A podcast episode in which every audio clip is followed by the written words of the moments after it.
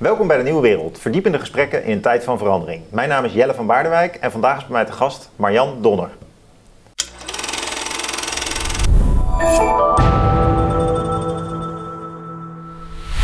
Jee. Jee, leuk dat je hier bent. Ja, heel Ja. leuk. Je hebt een bizar boek geschreven. Oh, Ja, het zelfverwoestingsboek. ja. Wel al een tijdje geleden. Een soort zelfhulpboek dat geen zelfhulpboek wil zijn. Eh, ja een een anti-zelfhulpboek, Ja. inderdaad. Maar dan wel met een idee. ehm, ja, nou, ik val maar meteen met de deur in Ja, huis. doe dan. dat. Ja. zelfverwoesting. Ehm, nee, ja, omdat. Dus nee, die zelfhulpindustrie is gigantisch momenteel. Met alle boeken en alle cursussen om je innerlijke kind eh, tevoorschijn te laten komen. Of eh, terug naar de natuur. Je hebt er allerlei variaties in. En ehm, ja, wat ik daarin zie. Is, is dat het allemaal gericht is op een optimalisering van jezelf. Een betere versie worden van jezelf. En wat ik daarin zie, is dat die betere versie vooral, die is ook heel grappig, die is altijd hetzelfde voor iedereen. Daar bestaat geen individualiteit in. De beste versie is iemand die hard kan werken, eh, niet zeuren, efficiënt en zo alsmaar doorgroeit naar de top. Ja. En ik denk van ja, die beste versie is eh, vooral een versie die het, het huidige systeem waarin wij leven voedt. Ja. We worden er betere radars van eigenlijk. Ja. En kunnen langer doorwerken. Ehm, zijn en niet dat wilde ik ondermijnen. Ja, ja nou dat is, dat is wel geslaagd. maar het, het gaat ook wel op voor intellectuelen, voor schrijvers. Want je zegt ook van, nou als ik wat, nou wat, wat, wat minder zou drinken en minder zou hebben gefeest, dan zou ik misschien ook wel veel meer mooie boeken hebben geschreven. Ja, Er zit in die zin ook wel een nou je ziet zelfkritiek in. Het gaat niet alleen maar over Nee, maar is- managementtypes die in het bedrijfsleven carrière willen maken. Het gaat ook wel degelijk over Ja, nee, je ziet dat overal. de kunsten bijvoorbeeld. Ja, nou, het, bijvoorbeeld uh, Hafid Bouassa was daar een heel goed voorbeeld van. Die dus net is overleden. Ja. Ehm, nou, die, die, die is heel erg, heeft zich eh, overgegeven aan de zelfverwoesting en Ja. aan de drank. En ehm, dat was al wat langer geleden, maar nu bij zijn dood ook, is dus altijd de reactie: oh, wat, wat, wat verschrikkelijk dat die man zichzelf zo te gronden. Hij had zoveel meer kunnen doen, zoveel meer mooie boeken Ja. kunnen schrijven. Dat zal wel zo zijn, maar als hij die levensstijl niet had gehad, had hij heel andersoortige boeken geschreven. Dus wat is dan, en het is heel zonde als iemand jong sterft, maar ik, uiteindelijk gaan we allemaal dood. Ehm, het was een keuze. Ik weet nu al dat mensen dan zeggen: nee, het is geen keuze, want het is een verslaving. Maar Ja. toch, hij leefde met zijn keuzes. En Hij had zich in ieder geval neergelegd bij zijn verslavingen. Ja. Hij schreef ook veel over drank. Ja, heel veel. En, en, en, maar dat is dus iemand die. ehm, ehm, ja, dus. Die, je kan niet zomaar zeggen van, oh, meer boeken is altijd beter. Want dan had hij dus hele andere boeken geschreven. En je ziet nu toch bij schrijvers ook. ehm, is, het is, het is eh, zo duur, het leven nu. Je moet je, je een kamer huren en, eh, of een huis hebben. Is dat, eh, wil je kunnen leven van het schrijven, dan Ja. moet je echt heel hard werken. Ja. Moet je heel productief zijn. Ja, er zijn maar een paar schrijvers die dat überhaupt kunnen. Hè. Ja, nou ja, of, nee, maar je moet of je heel veel bijsnabbelen of in de journalistiek. Dat soort mensen, Ja. dat is een bepaald type mensen. Ja. Daar krijg je een bepaald type boek van. Dat kunnen hele goede boeken Oh, wat zijn. leuk. Ja, ja, ben het voorbeeld. Ehm, nee, nou, is de volgende, de, column nummer 5 in één week van Arno Grunberg of zo. ja, zo, die is productief. Ja, Ja, dat is wel echt een... Ja, die, die laat ik even buiten mijn beschouwing. Dat is een eh, buitencategorie soort.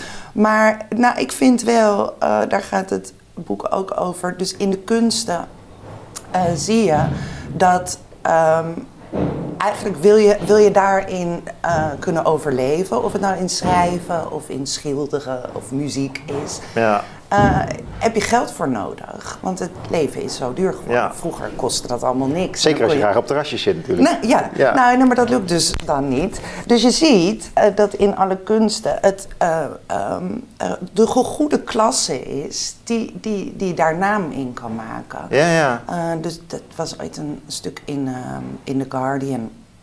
Eh, waar ze, dus de internationale trend, waar ze allemaal acteurs, dat waren allemaal kinderen van andere acteurs.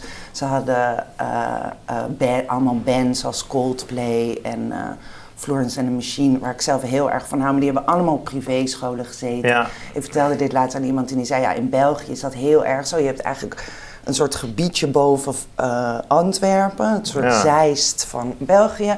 En daar komt een soort van iedereen Ja. vandaan, van Triggerfinger Ja. tot schrijvers. Dus dat is de goede klas. Nou, daar krijg je een bepaalde literatuur van. En dat is niet een literatuur die de, een, dus een beetje op zichzelf gericht en zelfontplooiing. En oh, wat moet ik met mijn leven? En keuzestress is het grootste probleem.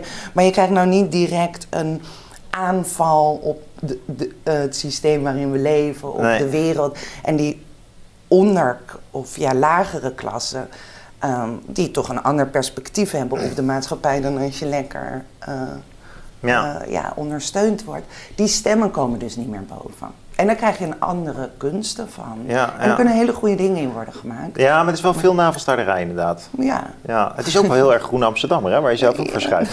Dat is een interessante paradox.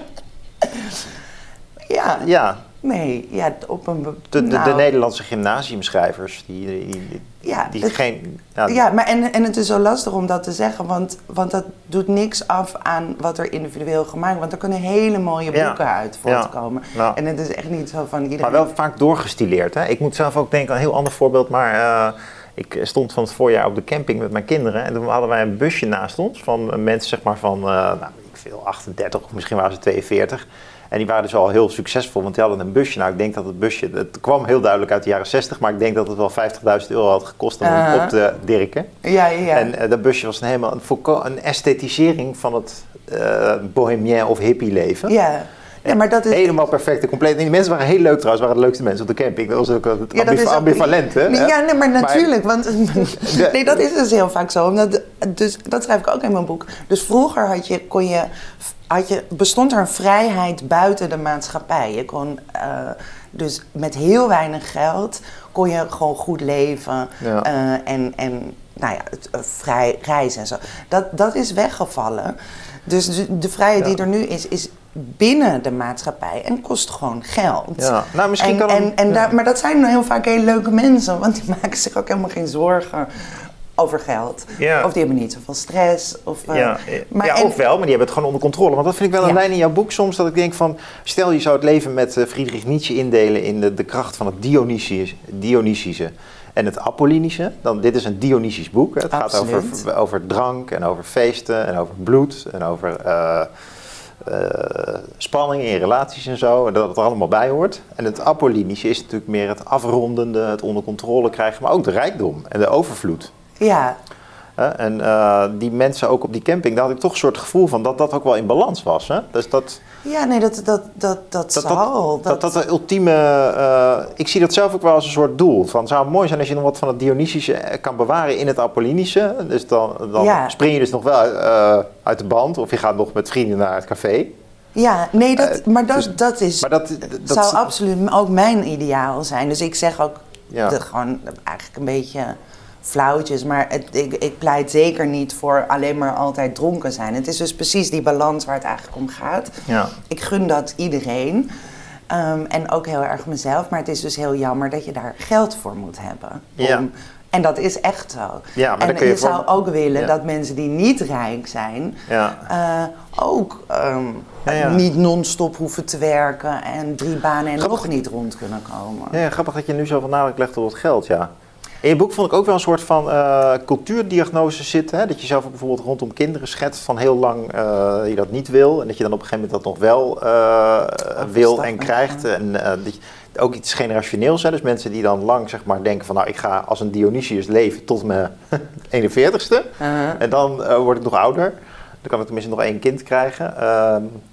Een soort van ideaal van zo lang mogelijk oprekken van dat feestleven. Ja. Maar op een goed moment dan Apollo toch toelaten. Ja, ja, ja. Ehm, en dan heeft het niet, dat gaat het niet om geld of zo. Hè? Dat gaat meer om, nee, accepteer je nou de, de, het ritme van het leven? En die bohemien die wil dat eigenlijk mm, niet. Hè? Ik vind het ook heel aantrekkelijk hoor, dat bohemien leven. Maar ja, ik, zit, ik zit nu te denken, dat is natuurlijk... ah, en dat is, ligt wel in het verlengde van, maar dat is ook dat heel erg maakbaarheidsdenken natuurlijk. Dat dat nu kan. Dat je eh, je jeugd heel lang kan oprekken en dan denken... ja, eh, van nou, dan ga ik het zo doen. En, dan, en als ik eh, nog geen kind wil, dan Ja. kan ik dat weg laten halen om het op mijn eigen manier. En dan blijkt natuurlijk op een gegeven moment voor veel mensen, oh, het leven is toch wat minder maakbaar dan gedacht.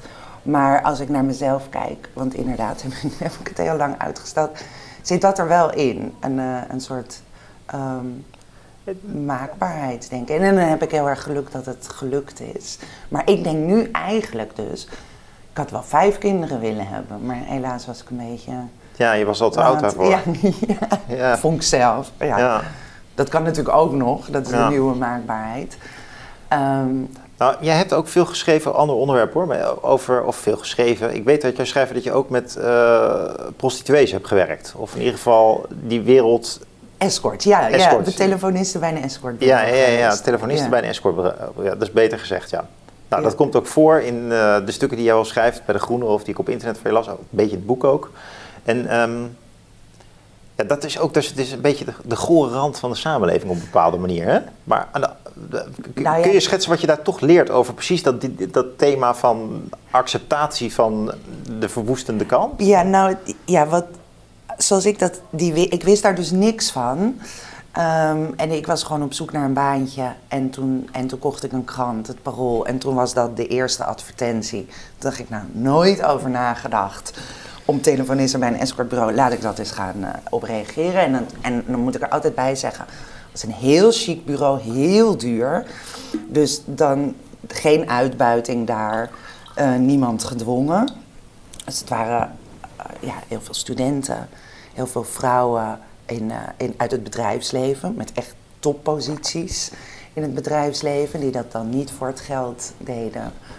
Dus dat, ja, nou, eigenlijk Nee, er zijn ook zeker mensen die het wel voor het geld doen.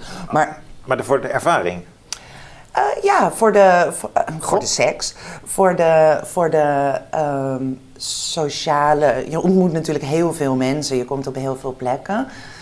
En ook, dat, dit was allemaal een inleiding naar... Uh, toen ik daar dus binnenkwam, toen, wat ik, zoals ik het zag, dacht ik... Dit is echt een schaduwwereld. Een, een soort parallelle ja. wereld aan die van het daglicht...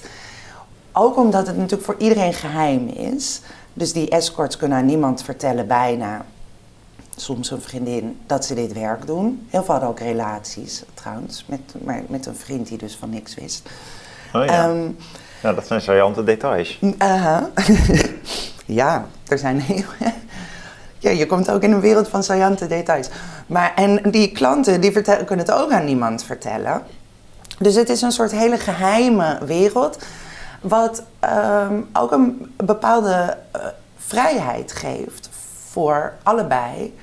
Uh, dat heb ik vaak van escorts gehoord, is dat het zo fijn is dat je uh, iemand anders kan worden. Mm. Het, dus bij dat escortbureau zag ik ook, het zijn zo erg niet de vrouwen van wie je van tevoren denkt dat dat wel escorts zullen zijn. Het zijn heel vaak verlegen meisjes, helemaal met heel weinig make-up. En, uh, of van die echte powervrouwen, dat je denkt, nou die hebben niks nodig.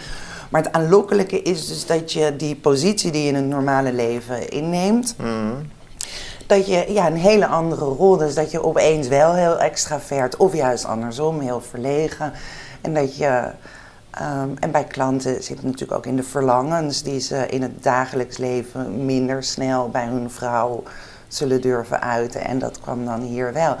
Ah, dus het was een soort bulk aan materiaal in die schaduwwereld die geen plek krijgt. En wat deed jij daar dan in? Jij die mensen belden via jou dan naar een escort en dan, die vroegen jou dan dingen, dus zeg maar... Of... Ja, ja uh, zo interessant was dat ook, dat het dus hele rijke mensen waren die daar, die, uh, want dat moest wel, want het was... Uh, toen, het is nu nog duurder, maar het was iets van 350 per uur. En dan begint het bij twee uur. Moet ik er trouwens ook bij zeggen dat dus in een soort van een derde van de gevallen er helemaal geen seks was. Dat krijg je als het... In een derde van de gevallen geen seks? Nee, omdat als, het zo, als je zoveel geld betaalt, dan gaat het dus om andere dingen. Dan wil je contact en dan ben je eigenlijk heel eenzaam. Die mannen waren echt heel eenzaam. Maar dat, dus er zitten spannende kanten aan de, uh, aan de, uh, spannende kanten aan de vrouwen eigenlijk, schets je net. Bijzondere dingen die je niet had verwacht, maar die mannen zijn eigenlijk gewoon eenzaam. Ja, vaak wel. En, um, ja, nou, en dus wat ik zei met verlangens waar geen ruimte voor is. En ik, wat ik dus wel opvallend vond, is dat er heel veel CEO's en CFO's die, die dan bellen. En die, uh, dus dat zijn mensen die de hele dag beslissingen maken, maar die bellen dan naar mij. En zo vaak was het zo dat ze niet konden kiezen. Ja, nee, ik weet niet, ja, wie, wie van dames, wat vind jij nou? Wat, wat, wat moet ik doen? Wie moet ik kiezen? Wat zal ik eens gaan doen? En dan moest ik dus heel erg helpen. Oh ja. Als een soort coach. Om ze tot een beslissing te laten komen. Dat ik dacht, hoe, hoe handhaven deze mensen zich in het bedrijf? Oh. Want ze zijn allemaal zo uh, ja. onzeker, een beetje twijfelachtig. Maar dat deed ik en er waren ook, uh, ja, ik, ik, zat ook wel eens een uur met iemand aan de telefoon omdat het een beetje eenzaam was. Dus dan is, gaat het om praten. Ja, goh. En, uh, maar het was een fascinerende ja. uh, wereld.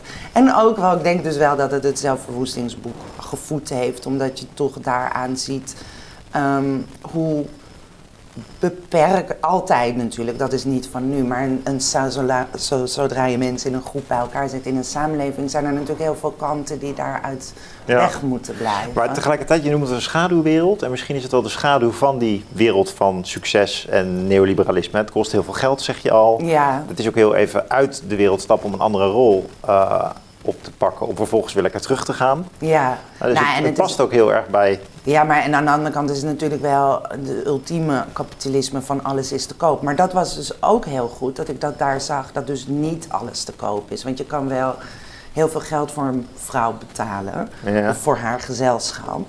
Maar dat betekent niet dat je er, uh, om het maar even zo te zeggen, er ziel hebt. Dus ze, ze kan, uh, er zijn dingen dus die niet, ja, niet te koop blijven. Ja, ja. Altijd. En niet te min kopen ze dus in bijna een derde van de gevallen wel intimiteit. Dus ja, dat is dat... ja, daar ging het echt om. Het is wel intimiteit. Dus dat, maar, dus En dat, is het, dat kan je wel zeggen van deze samen. Want dat waren dus zakenmensen heel veel.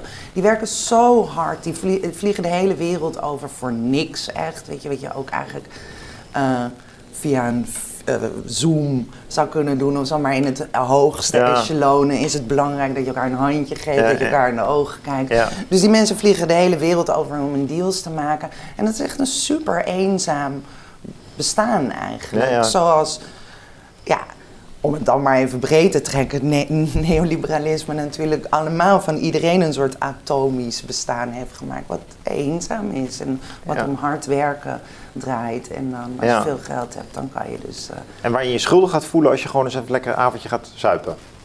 Ja, ja. mooi.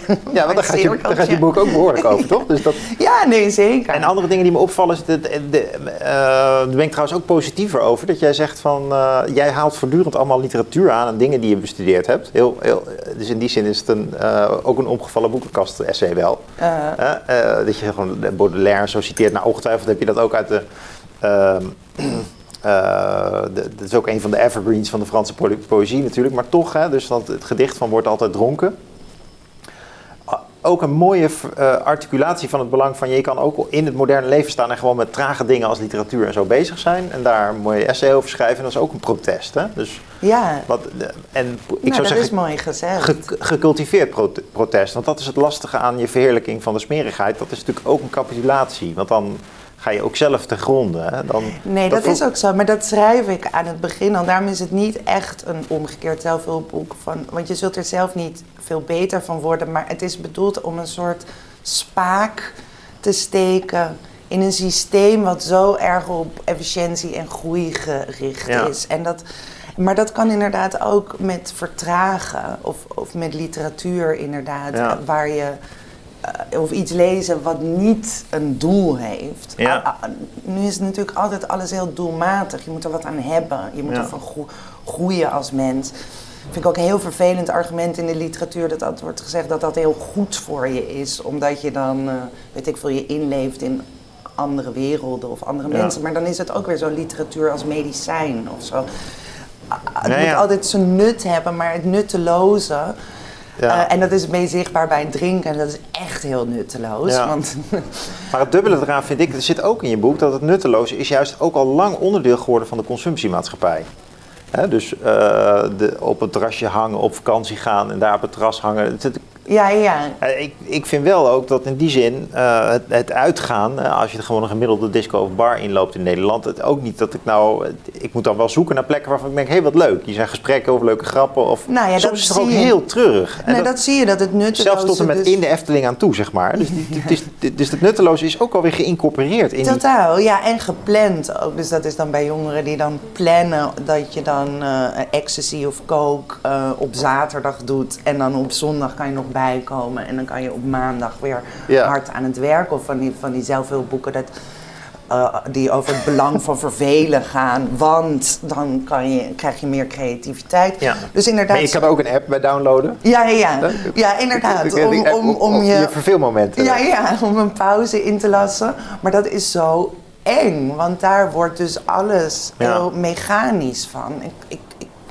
ja, op een bepaalde manier zie ik dus de wereld als een heel mechanisch geheel, waarin wij echt een soort radartjes in de machine, waarin alles gepland Ja. en doelmatig, om dat allemaal maar door te Wat laten akelig, draaien. dat je Het is dat- heel akelig. Dat je dat zo ziet. Waar, waar, waar komt dat nou? Waar, komt dat nou waar, Maar zie, je, waar zie je dat dan?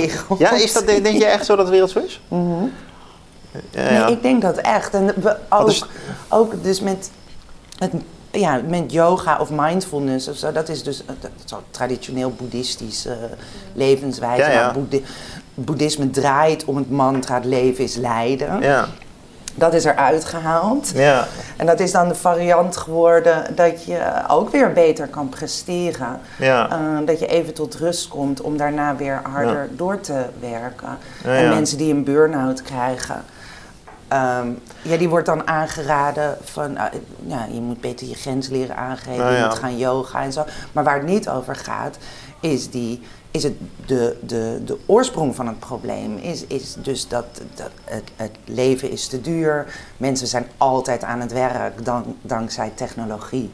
ja, ja.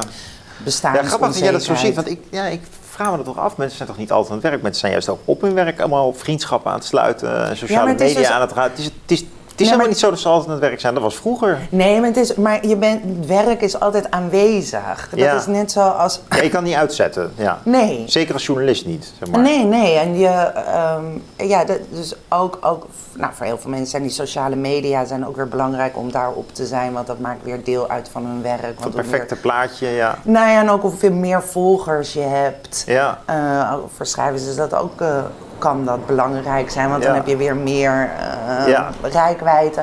Dus, en, en een baas die altijd kan bellen. En inderdaad, op werk doen heel veel mensen doen niet zoveel. Al wordt dat ook wat meer. vergaderen en zo, dat soort dingen. Niet, niet zoveel efficiënt, laat ik het zo zeggen. Nou, vergaderen is echt extreem inefficiënt, Ja. inderdaad. Nee, maar het is.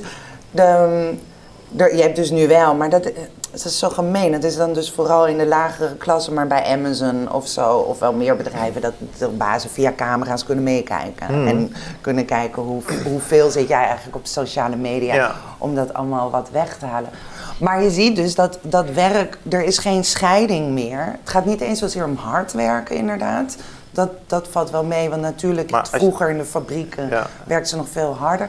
Maar het is gewoon altijd. Je Ja, kan die, die, dat ingelogd zijn is het. Ja. Ermee bezig zijn. ja, en nu ook. Omdat dan- werk ook gezellig moet zijn. En eh, Ja, ja, aan een bepaald plaatje moet beantwoorden. En moet er moet toch wel iemand op kantoor zijn die gezellig is. Ja, En, eh, dus nee, maar, dat- ja, maar en het, dat is al. Ik had laatst een, eh, een ehm, CFO-dag in België. Daar word ik dan ook voor uitgenodigd om een beetje een tegengeluid te laten horen.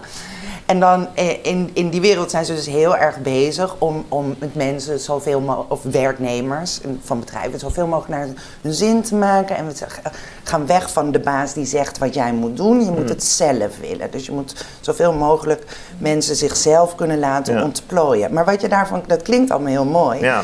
Maar wat je daarvan krijgt, is dat je eigenlijk dus die, de, de baas verdwijnt uit beeld en je wordt je eigen baas. Jij, Ja. je, je moet het uit motivatie en, Ja. en er is dus ook niemand meer op wie je kan schelden. Ja. Van een ja. Nee, je wordt zelf, altijd- je, dan, ligt het aan jezelf. Dan ligt het aan jezelf. Ik zie, dat, ik zie dat in het hoger onderwijs ook heel erg. Hè? De terreur van de passie. Mm. Dus al, al- alle studenten moeten maar een passie hebben. Ja, maar, en, maar dat is zo irritant, want, want, want daarmee wordt dus ook buiten beeld gebracht dat gewoon heel veel mensen, iedereen, moet werken Ja, om die ja. hele hoge huren. Ja. En als je dan nou, doet maar zo ik, van... ik- ja, ik vind dat, dat is het nog niet eens. Hè. Dus bijvoorbeeld bij studenten, om maar eens, eh, dat voorbeeld aan te halen. Kijk, eh, het, is helemaal niet fijn als jij van je docenten horen krijgt dat je moet studeren, maar dat je het ook nog leuk moet vinden. Nee, nee. Want je hebt gewoon voor die studie gekozen. De helft van de mensen, ja, die denkt ook, ja, eh, wat moest ik anders doen? Ja. Er zijn natuurlijk heel veel mensen met intrinsieke motivatie, dat is duidelijk. Nee. Ja, ik was zelf wel zo iemand bijvoorbeeld, maar ik deed ook een studie filosofie. Dus ja, dan dus zie je meer van dat soort types. Ja. Maar ja, als je gewoon medicijnen studeert, is het ook fijn als je hoort van, nou ja, oké, ik moet dit doen. Het moet op het hoogste niveau, dus ik doe het maar. ja, nee, exact. Wat is er eigenlijk precies mis mee? Ja, nee, ja, En dat is ook zo met e-mails antwoorden naar collega's of zo, toch? Ja, ja, nee, dat hoort er gewoon bij. Nee, maar dat is inderdaad een terreur van, eh, ja, van de passie. En wat je dus ziet, moet ik nu aan denken, is, is. Dus mensen zijn wel echt veel beter gaan presteren in de afgelopen tien jaar. Dus we weten in een prestatiemaatschappij te leven. Ehm, maar, maar eh, dus dat zag ik bij escorts bijvoorbeeld ook, waar dus heel veel studenten eh, waren. Ehm, dat tot, ja, ik weet niet, ik ben er dus al een tijdje weg, maar iets van tien jaar geleden of zo. Dan was het gewoon de klassieke student die in één studie, twee keer per week, eh, een soort hoorcollege en de rest van de tijd in bed. En, en op een gegeven moment kwam er een omslag. En dat was echt heel opvallend. En dat opeens deden ze er nog een cursus Chinees bij en Ja. twee studies en dan vrijwilligerswerk in, in Afrika ja. gedaan. En allemaal om die, eh, eh, ja, dat, die cv-beelding Ja. alvast te doen. En een vriendin van mij, die, die is eh, docent ook aan de filosofiefaculteit. Die zat in de sollicitatiecommissie voor een of andere baan aan de universiteit. Dus die zei, het is ongelooflijk wat voor machines hier eigenlijk Ja. binnen. Het zo, en ook allemaal extravert en heel goed met taal. En, Ja. Ehm, en zij zei, ja, ik zou zelf zou ik hier nooit tussen zijn gekomen. Want het is dus een bepaald type Ja. mens die hierbij floreert. Ja. Dus er zijn mensen voor wie dit hartstikke goed is. Die, die willen ook altijd op de toppen van hun kunnen spelen. En die hebben heel veel intrinsieke motivatie. En die willen zichzelf verbeteren. Echt good for them. Ja. Maar er is natuurlijk ook een hele grote groep. Ja. En daar is het niet zo. En, en dan er weer, er- net zoals bij ja. die literatuur, je krijgt dus een bepaald type mensen wat naar de Ja. hoogste regionen gaat. Ja. ja, saai is dat. En het is een beetje eenzijdig. Ja. ja. En je hebt wel, in jouw boek zit toch wel een grote flirt met de, eh, met de bohemien die eh, zich niet aan de regels houdt. En eigenlijk de hippie of wat dan de hipster is. Maar dat mag natuurlijk ook niet meer, want dat, Nee, zit weer in die Volkswagen camping. Ja, nee, ja, ik wou camper, in de camping. Dus die, dat, daar zit jij ook tegen af. Nee, de hippie Maar- is niet het, het ideaal. Nee, maar inderdaad, ja, de, de, ja, de bohemien, dus Ja. dat nog buiten de samenleving. De outsider. De- maar toen, kijk, wat ik in wil brengen is dat, kijk, eh, ooit was dat natuurlijk vernieuwend en ook heel bijzonder. Maar ook dat is alweer zo mainstream hè, op een bepaalde manier. Ja, maar ik dat, denk- vind ik, dat vind ik het lastig aan, aan als ik het las. Dat ik dacht van ja, maar je kunt toch ook... ehm, bijvoorbeeld wat ik zelf dan meer idealiseer... is dan in plaats van dat neoliberale eh, geordende perfecte leven... gewoon iets meer zeg maar conservatiever. Hè? Dus dat ik denk van nou oké, ik ben gewoon gelukkig met mijn gezinnetje... en ehm, ik, ik lees gewoon mijn boek nu. En eh, ik, Ja. ik, ik hou namelijk van literatuur en het heeft helemaal geen enkel doel. hè. En, eh, ik, misschien dat ik er met een vriend over praat. En ik kan het beter niet doen waarschijnlijk, maar ik vind het belangrijk. Ja. Ik kan, hè, en dat, zo zit ik ook in de wetenschap. Dat ik denk van nou, ik ga niet nog eens een keer zo'n saai Engels artikel lezen. Dat doe ik genoeg namelijk. Ik ga gewoon een Nederlands boek lezen. En, ehm, nou, en dat zit ook wel. Ik kan me wel voorstellen dat veel andere mensen ook zo leven. Als een, maar wel als een protest tegen dat neoliberale perfecte leven. Waarbij je dus wel zegt van het gaat niet alleen maar om groei of om kwantiteit. Nee. Hè, maar dat je wel zegt van nou, je moet wel genoeg geld verdienen, maar ja, je hoeft niet een, een nieuwe auto of zo te kopen. Hè. Dus dat, volgens mij, die protesten die zitten ook aan die kant, hè, maatschappelijk gezien. Ja, Het een soort, burger, ja, dus Ja, een soort burgerlijk bestaan Ja. eh, protest. En het is toch ook wel weer heel mooi ergens, omdat je dan, eh, da- daar, daar zit ook veel redelijkheid, vind ik zelf. Hè? Dus, niet, eh, dus je Ja. zou eigenlijk willen ook dat, dat dat soort mensen een beetje de bazen worden hè? in onze scholen en onze ziekenhuizen. Omdat die nog bedenken van ja jongens, hè, er wordt hier Nee, hard gewerkt, is- namelijk 40 uur in de week. En, Ja. Nee, eh, ik, vind- ik ben het wel eens dat je, je ziet nu protest van alle kanten Ja. komen eigenlijk. Ik had het daar gisteren over, sorry, eh, even een associatie, maar ik had toevallig gisteren over dan viruswaanzin. en, eh, en anti-corona. En, en wat je, vind ik, daarin ziet, is dus ook is, is een aanval op de, heer, op de rationaliteit die nu gebruikt wordt, waarin alles in cijfers wordt uitgedrukt. Ja. En wat er in cijfers kan worden uitgedrukt, Ja. dat bepaalt ook het beleid. Ja, en de controleerbaarheid er weer van, hè? Ja, Hè? Dus maar dat is dus heel opvallend. En wat we niet kunnen, zo goed kunnen meten, dat, dat heeft ook een rol. En ehm, ja, ik vind dus de- uit, uit die, die hoek ehm, komt daar een heel groot protest eh, op.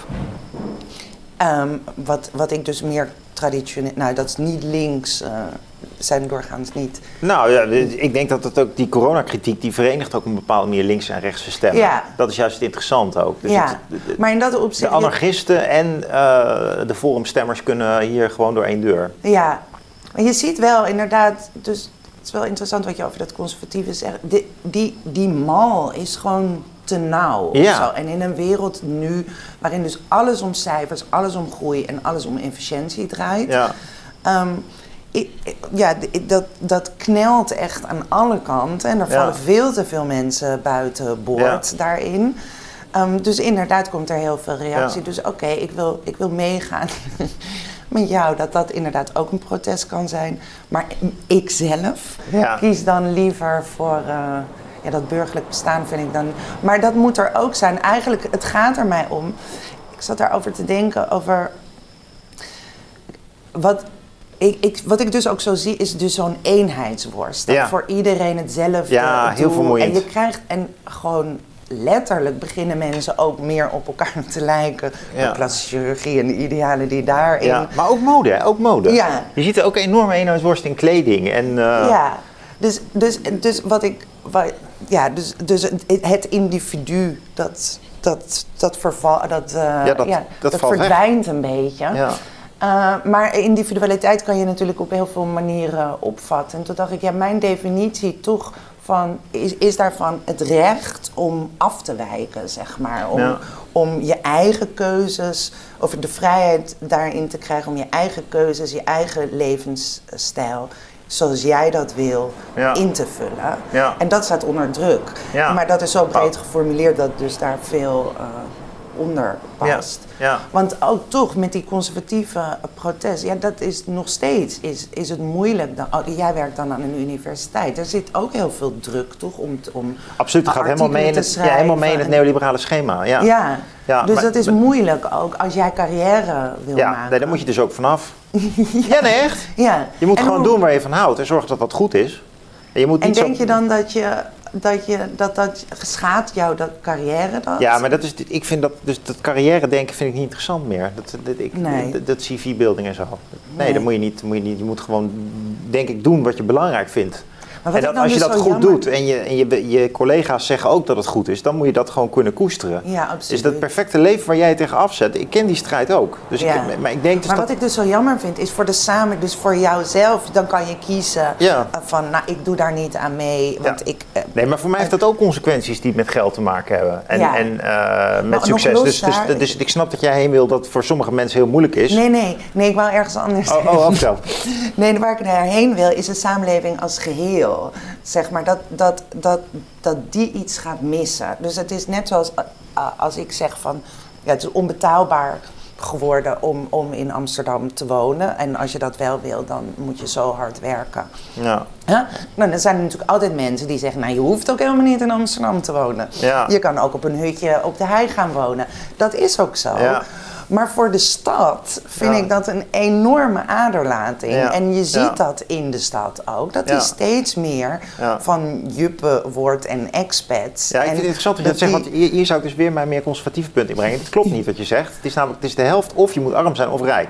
Ja, nee, dat is waar. En Wie mist Ja. is de burgerlijke klasse en de Ja. artistieke klasse. Nee, die, die, die- die, kunnen niet meer. Ja, Maar nee, op zich ja. in Amsterdam, de meerderheid van de woningen is gewoon volgens mij huur. En daarvan de meerderheid wordt op zich gehuurd door mensen die het net niet kunnen betalen. Nee, maar die Sociale huur. die is ontzettend ingeperkt. Die Zeker, maar niettemin, allemaal- maar niettemin, nou ja, hij is zeker nog 40% En dat is het punt. Dus je hebt rijken, die zijn inderdaad, Ja. die hebben een ostentatieve levensstijl. Die laten heel erg zien van, kijk nou, dat ik weer bij de, nou ja, Koekai bij wezen winkelen, weet ik veel waar die mensen heen gaan. Maar die hebben een dure Tesla-levensstijl. Ja. En aan de andere kant heb je heel veel mensen die gewoon eigenlijk helemaal niet meekomen in die snelheidmaatschappij. Ja. Maar in het middensegment Ja, nee, is het moeilijk overleven. Heel. En, eh, dus En het is, het is dat- dus een dubbele eenheidsworst. Ja, nee, absoluut. En, en ook wel weer een kloof, dus dat, een, dat een, ja, er een kloof in steden eh, ontstaat. Ja, ja, hele- dat omdat het, Want de bemiddelende klasse is er niet meer. is weg, Ja. inderdaad. Ja. Ja, dus, maar dat wil ik zeggen, dus- dat kan je ook voor de samenleving als geheel, eh, of bijvoorbeeld voor universiteiten, als die tegenstemmen,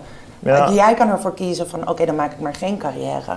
Maar ik zou dan denken, eh, ja, ik, ik vind het een gemis als die tegenstemmen. Ja. Dus niet meer, ik heb zelf eh, psychologie gestudeerd, ontzettend veel geleerd van een docent die Igor van Kroegte heette. Nou, die werd daar echt toen al uitgespuugd.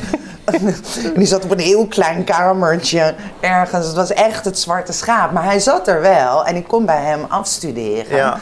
En dat soort mensen zijn zo essentieel. En die, Ja. die, die, volgens mij die zijn nu veel moeilijker te vinden. Dus je, Ja. het is steeds weer een loop. Ja, je moet Van, want als je, die, als je die leraren niet vindt, Ja. dan, ja, dan ontwikkel ik me ook alweer op een andere Dus die mensen die moeten we goed beschermen eigenlijk hè, tegen het systeem. Ja, Ja, nou, en en dat, toch dat is ging mijn- vroeger beter dan tegenwoordig. Dat was en- ongetwijfeld een oude student, eh, docent. Wat? Die, die Igor, dat was een oudere docent denk ik. Ja, ja, ja. Want vroeger konden dat ja. soort mensen gewoon nog mee. Ja. Maar in, het, in de nieuwe generatie zie je dus overal die CV-builders. Die ook geen tijd meer hebben voor een student. Nee, exact. En die dan Ja. niet de diepte in, Ja. eh, of geen tijd hebben om die diepte in te gaan. Nee, en dus dat uiteindelijk is het dus, ja, vind, zie ik mijn boek als een soort ode. Ehm, ode aan de verliezer wordt ook vaak genoemd. Maar het is vooral dus een ode aan de afwijking en het anders. Ja. En wilde ik laten zien wat je als samenleving verliest. Mooi, hoor. Als die eh, er niet meer zijn. Mooi, Mooi, ja. De ode, van, de, de ode aan de afwijkende stem. Aan, Ja, aan jezelf zijn. Leuk dat je hier was, Marjan. Nou, dankjewel, vond ik ook.